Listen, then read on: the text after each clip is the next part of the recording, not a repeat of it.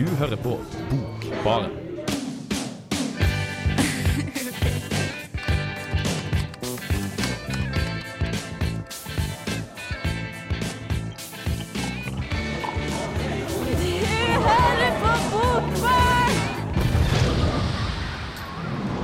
Hallo og velkommen til Bokbaren.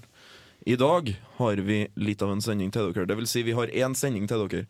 Eh, som, skal, som vi skal kose oss veldig med og formidle på best mulig måte. Jeg heter Martin Ingebrigtsen, og jeg sitter i studio på Lukas sammen med Hans Karnsjeli. Hallo, hallo, ja. og Andreas Skille. Hallo. Ja. I dag har vi litt på forskjellig på tapeten. Skal snakke litt mer om eh, det seinere. Uh, først skal dere få høre Massive, Massive Attack med 'Girl I Love You' featuring Horace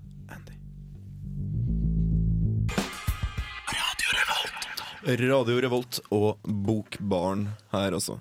I dag eh, skal vi snakke om én ting som er, ligger mitt hjerte nært, kan du si, og det er Trondheim by. Forskjellige aspekter av Trondheim by uh, i bokform. Uh, I hvert fall skal jeg og Andreas gjøre det. Uh, han skal snakke om fantasy. Ikke at, det, ikke at det er noe bombe for de lytterne som har hørt Bokbarn før. Men uh, du har bladd opp i bok som jeg synes er veldig veldig spennende. Eh, Jeg syntes i hvert fall det når du fortalte meg om den første gang. Det er en bok som heter 'Byens magiske rom'. Eh, Hva er det her, og hvordan er det i Trondheim? Og hva er, det, hva er den boka her som heter 'Byens magiske rom'? Andreas Skille. Ja, det er byens magiske Gratulerer med dagen, forresten. Ja, Gratulerer med dagen, ja. Ja, nei, Byens magiske rom. Ja, det er ei bok jeg, jeg fant i forbindelse med litt sånn undersøkelsesarbeid Ja. eh, på kinoer og filmkultur og sånn i Trondheim. Mm. Og da kom jeg over den eh, boka her da, som en sånn jubileumsbok fra eh, Trondheim kino. ja, når den kom ut. Jeg tror den kom ut i 2007 eller Ja. 2008. Mm. Og det er en veldig sånn flott påkosta eh, billedbok, egentlig, da. Mm. Med litt sånn anekdoter og sånn fra, fra eh, filmkultur før, i gamle dager og opp til i dag, da. Ok, Så det handler rett og slett om, om kino i Trondheim? Kinolivet og kinos historie i Trondheim og den type ting? Ja. Og det, er jo, det har jo vært så mye flotte kinoer i, i Trondheim, faktisk, opp gjennom tida. da. Har det det? Ja, jeg, tror eh, Trondheim var kjent som kinobyen i Norge. Det er ganske, det er jo egentlig ganske flott, da, med tanke på at Når jeg var liten, så hadde vi jo Prinsen. Jeg tenker, jeg kan ikke huske noen andre kinoer. Så kom Nova. Og så har vi to, og så er det fint. jo. Men vi har altså hatt flere. Ja, det har vært eh, ja, Verdensteatret, Jaha. eh, Sirkus kino, Sentrum kino Oi. og Kosmorama. Ja, ikke sant? Mm. Ja, men det her er jo Det her er jo Jeg lærer jo noe nytt mens jeg sitter her. Skal jeg da si. Oi, Jeg, oi, jeg trodde Trondheim ble på en måte slept inn i kinoalderen på 70-tallet en gang, eller noe sånt. Og så hadde det aldri vært noe før det, men jeg tar jo tydeligvis skammelig feil. Ja, Man skulle ikke tro det, men det har vært uh, praktbygg eh, rundt omkring eh, i byen da, som har husa film til alle døgnets tider tidligere. Okay. Blant annet forløperen til Studentersamfunnet var jo gamle Sirkus kino, eh, som lå ved Prinsen. ok Eh, Prinsens gate. Når var, når, den må jo være gammelt. Den, den er veldig gammel. Og det var vel sånn eh, På 1920-tallet så holdt Studentersamfunnet til i, i sirkusbygninga der. Um, og hadde arrangementer. Mm. Um, men så etter eh, Når de bestemte seg for å rive den kinoen, da, så ble eh, Studentersamfunnet bygd etter modell av eh, sirkuskino. Det er jo veldig kult. Ja, nei, Vi skal høre litt på den saken du har laga om denne boka, som bare fascinerer meg mer og mer. Her kommer altså Byens magiske rom. Hvem var det som hadde, hadde laga denne boka, kanskje vi skal nevne? Ja, det er Trond Haugan som Trond har skrevet Haugan. boka. Greit. Byens magiske rom. At det har funtes så mange flotte kinoer og kinobygg i Trondheim, visste jeg lite om før jeg plukka opp boka Byens magiske rom av Trond Haugan. Det gamle Kosmorama, Verdensteatret, Sentrum kino, Rosendal kino, de her mystiske og fascinerende steder som folk har gjesta i over 100 år, for å dra og se film. Boka er ei jubileumsbok for Trondheim kino, og det er en stilig coffee table book med flotte bilder. Her kan man se bilder av de gamle filmpalassene, og lese om hvordan det var for folk å gå der. Jeg blir så glad av å se bilder av gamle bygg. Gamle foajeer, lysekroner og saler som kunne romme opp mot 1500 mennesker. Det forteller meg at livet var annerledes før i tida. Kanskje bedre, kanskje verre, men uansett så tar gamle dager seg veldig godt ut på bilder. Jeg mener, den lykken en sjokolade kunne gi, og det yrende livet i salen, det setter en i en helt spesiell sinnsstemning. Byens magiske rom er ei stilig bok som anbefales å bla i om man kommer over den. Enten om man skulle være interessert i arkitektur, westernfilm eller lokalhistorie. Og for øvrig så syns jeg at det burde være mer lysreklame og neonskilt i byen. For det ser unektelig veldig bra ut. Your headlights are on med We're Real Cool. Der altså du hører på Bokbarn. Og vi snakker enda litt om, om lokalhistorie og sånn. Ja, prøve å trekke opp eh, lokal, eh, lokalt innhold-delen her. Ja, ikke sant? Vi, jo, altså, vi, er jo, vi er jo et trøndersk bokprogram, og da må vi jo snakke litt om trøndersk, eh, trønderske bøker. Eller i hvert fall bøker som handler om Trondheim. Det var, det var veldig vanskelig å si. Men eh, jeg har da også slengt meg på den eh, bølgen her. eh, for eh, jeg vet ikke om det var på sensommeren i Nei, på sånn i fjor vinter, eller om nå vinter, i år vinter. Så kom det ei veldig stilig lita bok ut på Tapir Akademisk Forlag, som jo selvfølgelig tilhører universitetet vi har her i Trondheim, uh, så vidt jeg vet. Uh, som heter Hus med hedersmerke. Oi. Ja da, ikke sant? En, en snasen tittel 'Hus med hedersmerke', skrevet av en mann som heter Per R. Kristiansen. Ja, Per R. Kristiansen. Uh, og han har, han har en sånn, en sånn greie med titler, da. For eh, jeg satt og kikka på, på omtalen av den på forlagssidene. Han har da skrevet ei bok som heter 'Bil!' utropstegn 100 år bak rattet i Trondheim. Fantastisk. det var en strå, strålende tittel. Og jeg lurer veldig på hva den boka handler om. Men Hus med hedersmerke da, det er da en, en eh, veldig fin eh, liten greie.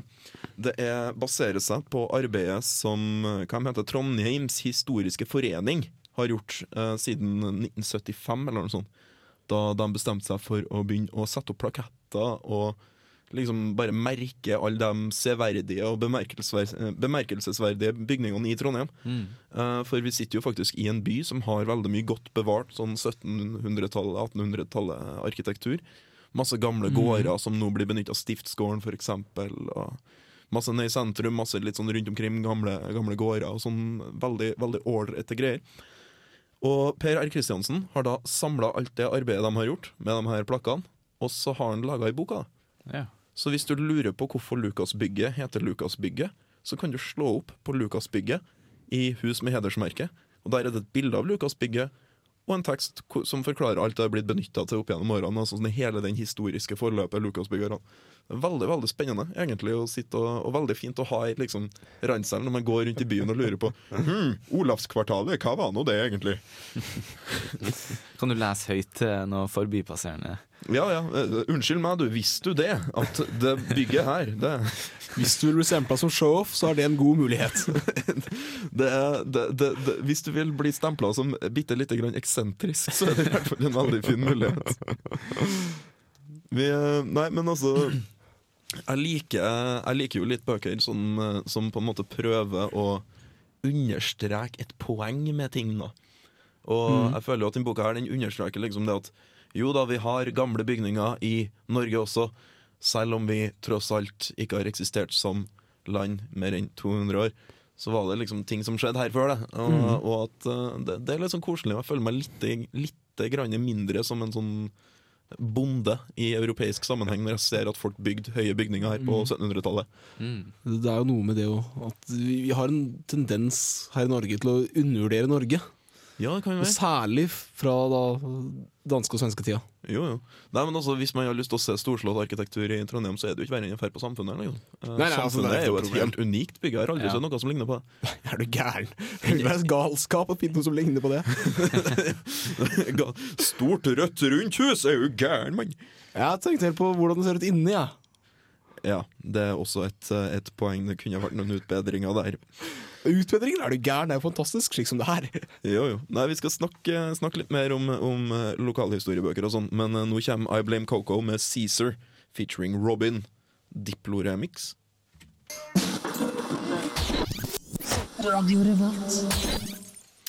Uh, I blame Coco der, altså. Uh, vi sitter og snakker litt sånn om lokalhistorie og lokale bøker, og bøker som er knytta til steder og sånn. Uh, og nå mens jeg hørte låta, så kom jeg på det at i, i fjor sommer så var jeg på besøk i en sånn bitte liten strandby i Italia som heter Terracina. Og der ramla jeg over noe veldig veldig interessant. Jeg husker jeg veldig godt, for jeg ble liksom stormforelska med en gang. Uh, I Terracina uh, ble veldig bomba uh, under andre verdenskrig. Uh, og det her gjorde da at uh, når de liksom begynte å slippe bomber på all den nye arkitekturen, så kom det veldig mye gammel arkitektur til syne.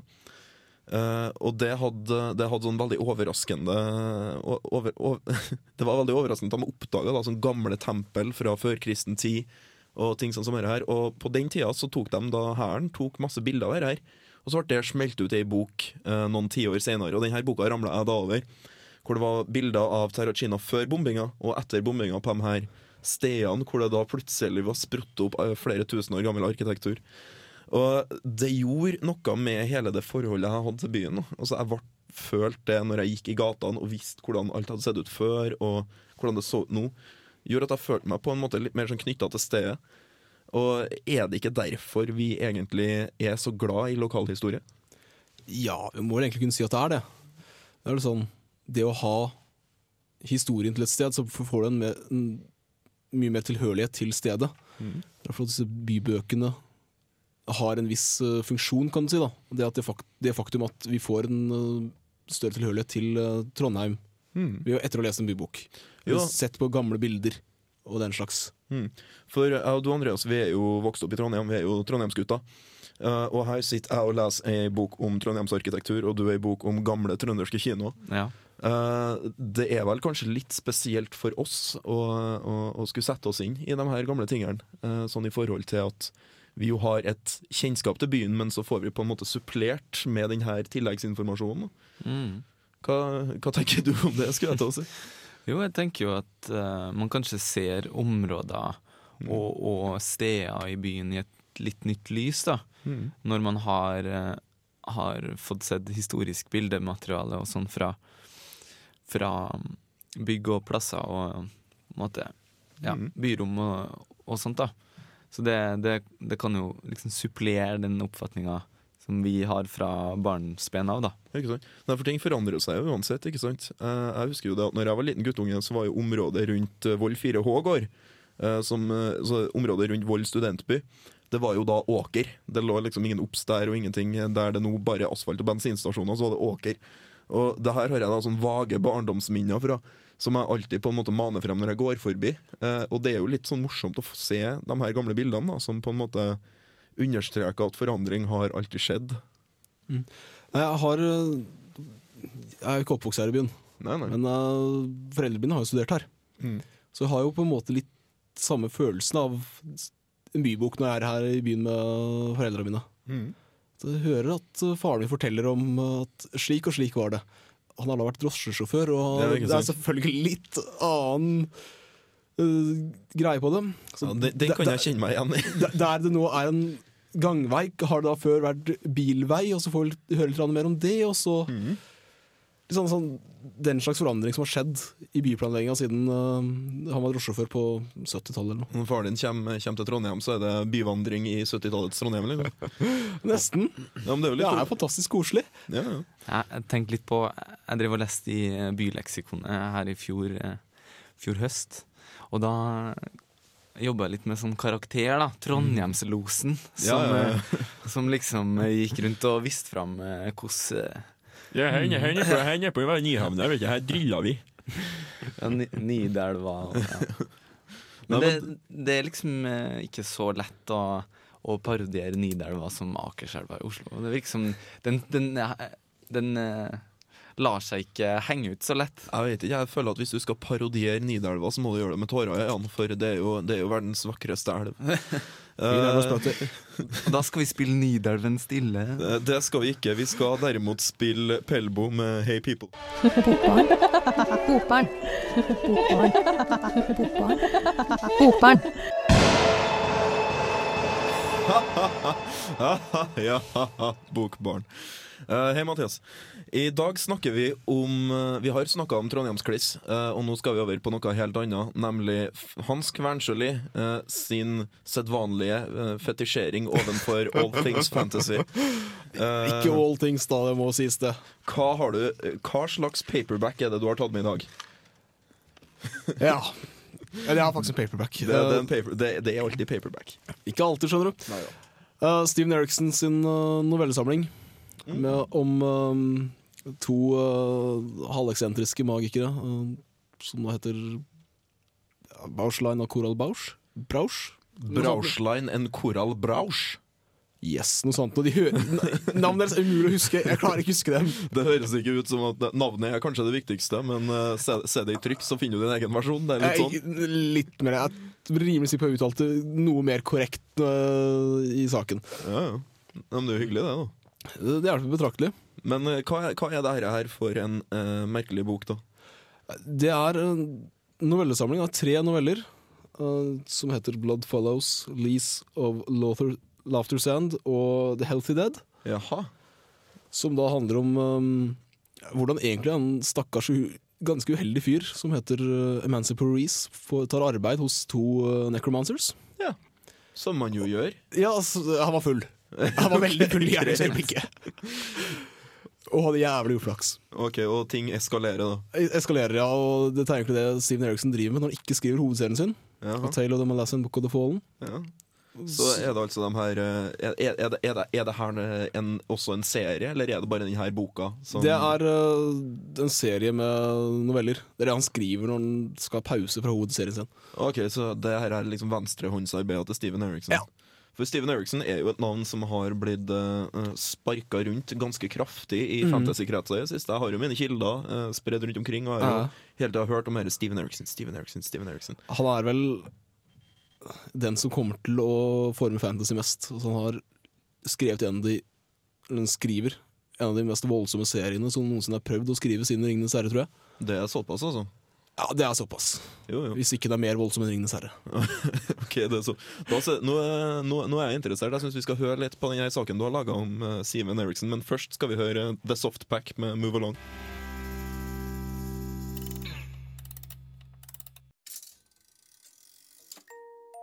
Emancipor Reece. Fyllik og berømt for sitt dårlige hell. Nøyaktig de to faktorene er det som får ham til å søke jobb hos Bauschlein og Coral Bausch. Etter et notat som stinker dødsmagi, noe Mancy Luckless ikke legger merke til gjennom sløret alkoholen har lagt over fornuften hans, tar han jobben. For det meste fordi den er godt betalt, og delvis fordi den innebærer en del reising, noe som gjør at han kommer seg vekk fra kona og barna som har bemerkelsesverdig lite til felles med ham. Det Mansburg ikke får helt med seg av fylla, er at den nye mesteren hans og kompanjongen hans er utøver av dødsmagi på et svimlende høyt plan. En av dem maner frem demoner som en hobby, den andre har en barnslig lyst for ting. Begge er de gjennomført onde, totalt uten form for medmenneskelighet eller godhet. Massemord er noe de ikke nødvendigvis trenger å se på som en dårlig ting, kanskje helst som noe heller upraktisk. I fortellingen om hvordan Mancy Luckless og hans arbeidsgivere kommer gjennom forskjellige farer, som regel et resultat av menneskelig dumhet eller noe slikt noe, ser vi hvordan Mr. Reece blir mer og mer av et nervevrak. Med en mester som maner frem demoner som hobby, og hans kompanjong som har sydd sammen et vesen av forskjellige menneskelige organer som han har samlet sammen litt her og litt der, noe som han for tiden lager i kofferten sin, er det kanskje ikke rart at Mancy tyr til beroligende midler. Og ting blir ikke bedre av at det finnes verre ting enn arbeidsgiveren hans. Men at på sjøen i et skip som har plukket opp eh, flere reisende enn planlagt til siste havn, de fleste av disse er langt fra levende, eller en by som har blitt besatt på tanken av godhet og renhet, noe Bauschlein viser seg villig til å gjøre noe med. Fortellingen om Bausch og Coral Bausch, sett gjennom øynene til Emancipor, er langt lettere lesning enn hovedverket til Steven Eriksen, A Tale of the Malassian Book of the Fallen, og står for seg selv uten noen direkte forbindelse til hovedverket. Men nøyaktig hvordan man skal si noe om eh, novellesamlingen uten å sammenligne de to, er noe uklart for meg. Fortellingen Bauschan og Coral Bausch er satt i samme verden, og de opptrer i tredje boka i hovedserien til Eriksen, Memories of Ice. Man kjenner igjen magikerne og kjenner deres, og sammen med dem verdenen til Eriksen og stilen hans. Som nevnt er dette langt lettere lesning enn hovedserien til Eriksen. Hovedgrunnen til dette er at dette ikke er én av ti romaner i en serie, men tre noveller. Hovedstyrken og svakheten til Eriksen, ifølge mange, er at man ikke vet hvor plottet beveger seg, hvem rollen egentlig er, hva som er hva, og hva dette plottet man snakker om egentlig er for noe. Noe av det jeg finner er gleden med å lese Eriksen, er å finne ut av dette. De oppdager en verden. Men her er det mange som faller lasset. Dette er et element som ikke spiller inn på denne novellesamlingen. Her er det ikke det enorme omfanget av roller, og det er heller ikke det spinnvevet av plottlinjer. Dette er hva Eriksen skriver når han skal ta seg en pause fra Malassin Book of the Fallen, og heller gjøre noe som er mer gøy. Det klarer han utmerket. Dette er en fantastisk samling av morsomme og kyniske noveller som klarer å beholde noe av den storslåtte følelsen av en fantasyroman, og samtidig forholdsvis enkle fortellinger som forventer i noveller. Samtidig er dette, som hovedverket til Eriksen, noe langt mer. Denne utgivelsen er en fantastisk liten kuriositet mens vi venter på den siste boken i Malaysian Book of the Fallen. Og for de som ikke venter på den, en noe enklere vei inn i verkene til Steven Eriksen. Du hører på Radio Revolt, studentradioen i Trondheim. Radio Revolt.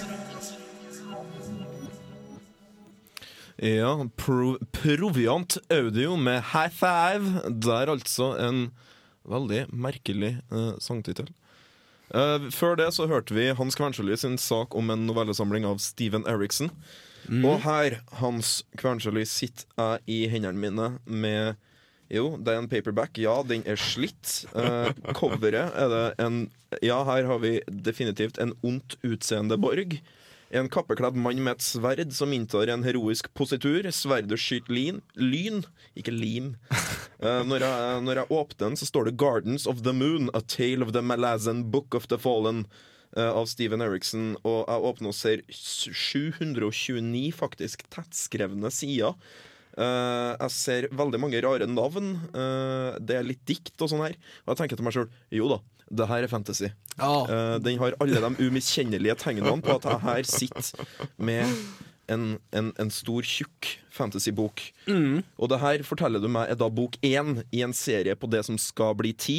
ja, Karl Ove Knausgård går hjem og Våg. ja, Ja. nettopp. Uh, det er da altså ingen kunst å skrive masse tekst. Det har fantasybokforfattere gjort lenge, og det har Steven Eriksen gjort nå. Uh, Ja. men, og det her er da altså det du omtalte i saken som hovedserien hans. Det er hovedserien hans, ja. Ja, Forklar. Ja, um, jeg, kan nå, jeg kan nå bare fortelle deg med en gang og alle lyttere at coveret har ikke en jævla ting med boka å gjøre. Ok, Er det ingen borger med? Det er én borg. Den er er det noe sverd som skyter lyn? da? Nei. Nei, OK. Det er nesten ingen magisk sverd i det hele tatt. Ok, Det er ett, tror jeg. ja. Men det er jo en grunn til at du har gitt meg, eller ikke gitt meg, men lånt meg, Mhm. eh, den boka her. Det er jo Det det at eh, jeg nå for første gang på flere år faktisk skal sette meg ned og lese en fantasyserie. Mhm. Eh, for det her er da den jeg skal lese, ifølge deg. Det er den man skal lese. Det er en av de Den er vel en av de tyngste, men det er også en av de aller, aller beste Okay. når det først kommer i gang. Okay. Det er en terskel å komme seg over, for da du så til saken. Man vet ikke helt hvor det her går hender. Nei. Hva er da sånn i løse trekk Hva er det her uh, Malazan Book of the Fallen-greia? Altså, det Eriksen har gjort, er å ha tatt et konsept som Napoleon fant på. Skrive navnet til de døde soldatene som falt under den. Jaha, Han har da bare ført dette over til et fiktivt univers, okay. og skriver da fortellingen til døde soldater. Ok, Så han forteller da en uh, fortelling om soldater i en krig som har gått veldig mye til helvete. ok, greit. Og, Og så går det her videre. så gjennom det her så får vi da et, en oversikt over krigen og Du får en oversikt over krigen, men Krig, kultur og samfunn og ja, og okay. et av prosjektene hans er å skrive en serie som Og lage et univers som er så fjernt fra vår virkelighet som mulig. Jeg klarer ikke å komme over sideantallet hvis, eh, hvis lytteren vil tilgi meg. Jeg skal bare blafre dem foran mikrofonen, sånn at dere får høre hvordan fantasybok høres ut. Det er mange sider, altså. Det er ikke den tjukkeste boka i serien. Nei, oh. Nei, men altså, vi skal, vi skal se Den siste boka i serien her kommer jo antageligvis i år. Mhm. Eh, det er ingen dato på den ennå. Eh, så det jeg skal nå gjøre, da er at jeg skal lese hele Malazan Book of the Fallen. Og så når den siste boka kommer, så skal vi markere den her altså, høytidsdagen i fantasyens historie med å, Ja. å snakke om det. Ja. Som vi jo gjør i Bokbaren. Ja, jeg syns det høres ut som en veldig god plan. Men altså, hva mer trenger jeg å vite? da? Altså, er det, Altså, du det er- sier det eskalerer fra de her døde soldatene? Altså, det går videre. Altså, de, de etter hvert blir jævlig lei av å være med i krig, og etter hvert så får de faktisk valget om å gå ut av krigen. Og da går historien Flimrer ut i alle retninger omtrent. Det er løse tråder. Det liker vi. Og det er Fortellingen er beskrevet som en trekant, hvor det er tre hovedstorylines, som da er hjørnene, og så er det linjene mellom dem som da binder dem sammen. Ok, det her begynner å høres veldig interessant ut. Nei, men vi skal, Jeg skal hjem og lese etterpå. Først, uh, Vi skal avslutte dette her, uh, ikke helt ennå. Uh, før vi skal avslutte, så skal vi gjøre 1001 med Kill, Amish 82 Tape Treatment. Eh, så sånn høres den ut. Du hører på Radio Revolt, studentradioen i Trondheim. Det gjør du, og sånn hørtes eh, 1001 eh, hva? Kill? Eh, det låta heter så det er Amish Tape Treatment, eller noe sånt som er noe veldig, veldig rare greier. Jeg skjønner ikke låtetitler som står liksom i eh, Hva heter sånn klemmer? Sånn, sånn kolon? Nei, det er ikke kolon. Parentes. Parentes, vet du. Det, jeg syns det er veldig, veldig irriterende. Skjønner ikke hvorfor de gjør det. Eh, bokbarn skal gå hjem og legge seg, som vi alltid gjør når vi ikke er på lufta. Søv, ligge i seng, lese bøker, den type ting. Drikk litt kakao eh, hvis uh, muligheten er der. Te også. Veldig viktig når man skal lese litteratur. I dag har vi snakka om Hus med hedersmerke, en sånn oversikt over gamle bøker i Trondheim. Vi har snakka om Hva het boka di? Eh, byens magiske rom. Bok om gamle kinoer i Trondheim. Og vi har snakka om en novellesamling av Steven Eriksen. Det har vi. Det har vi. Da, nå skal jeg hjem og lese Steven Eriksen. Um, det blir veldig interessant. Så jeg tror vi bare sier takk for oss, og takk til tekniker Martin Larsen. Og ha et vakkert liv der ute, til og med dere i Berkeley. Bokbarn. Bokbarn.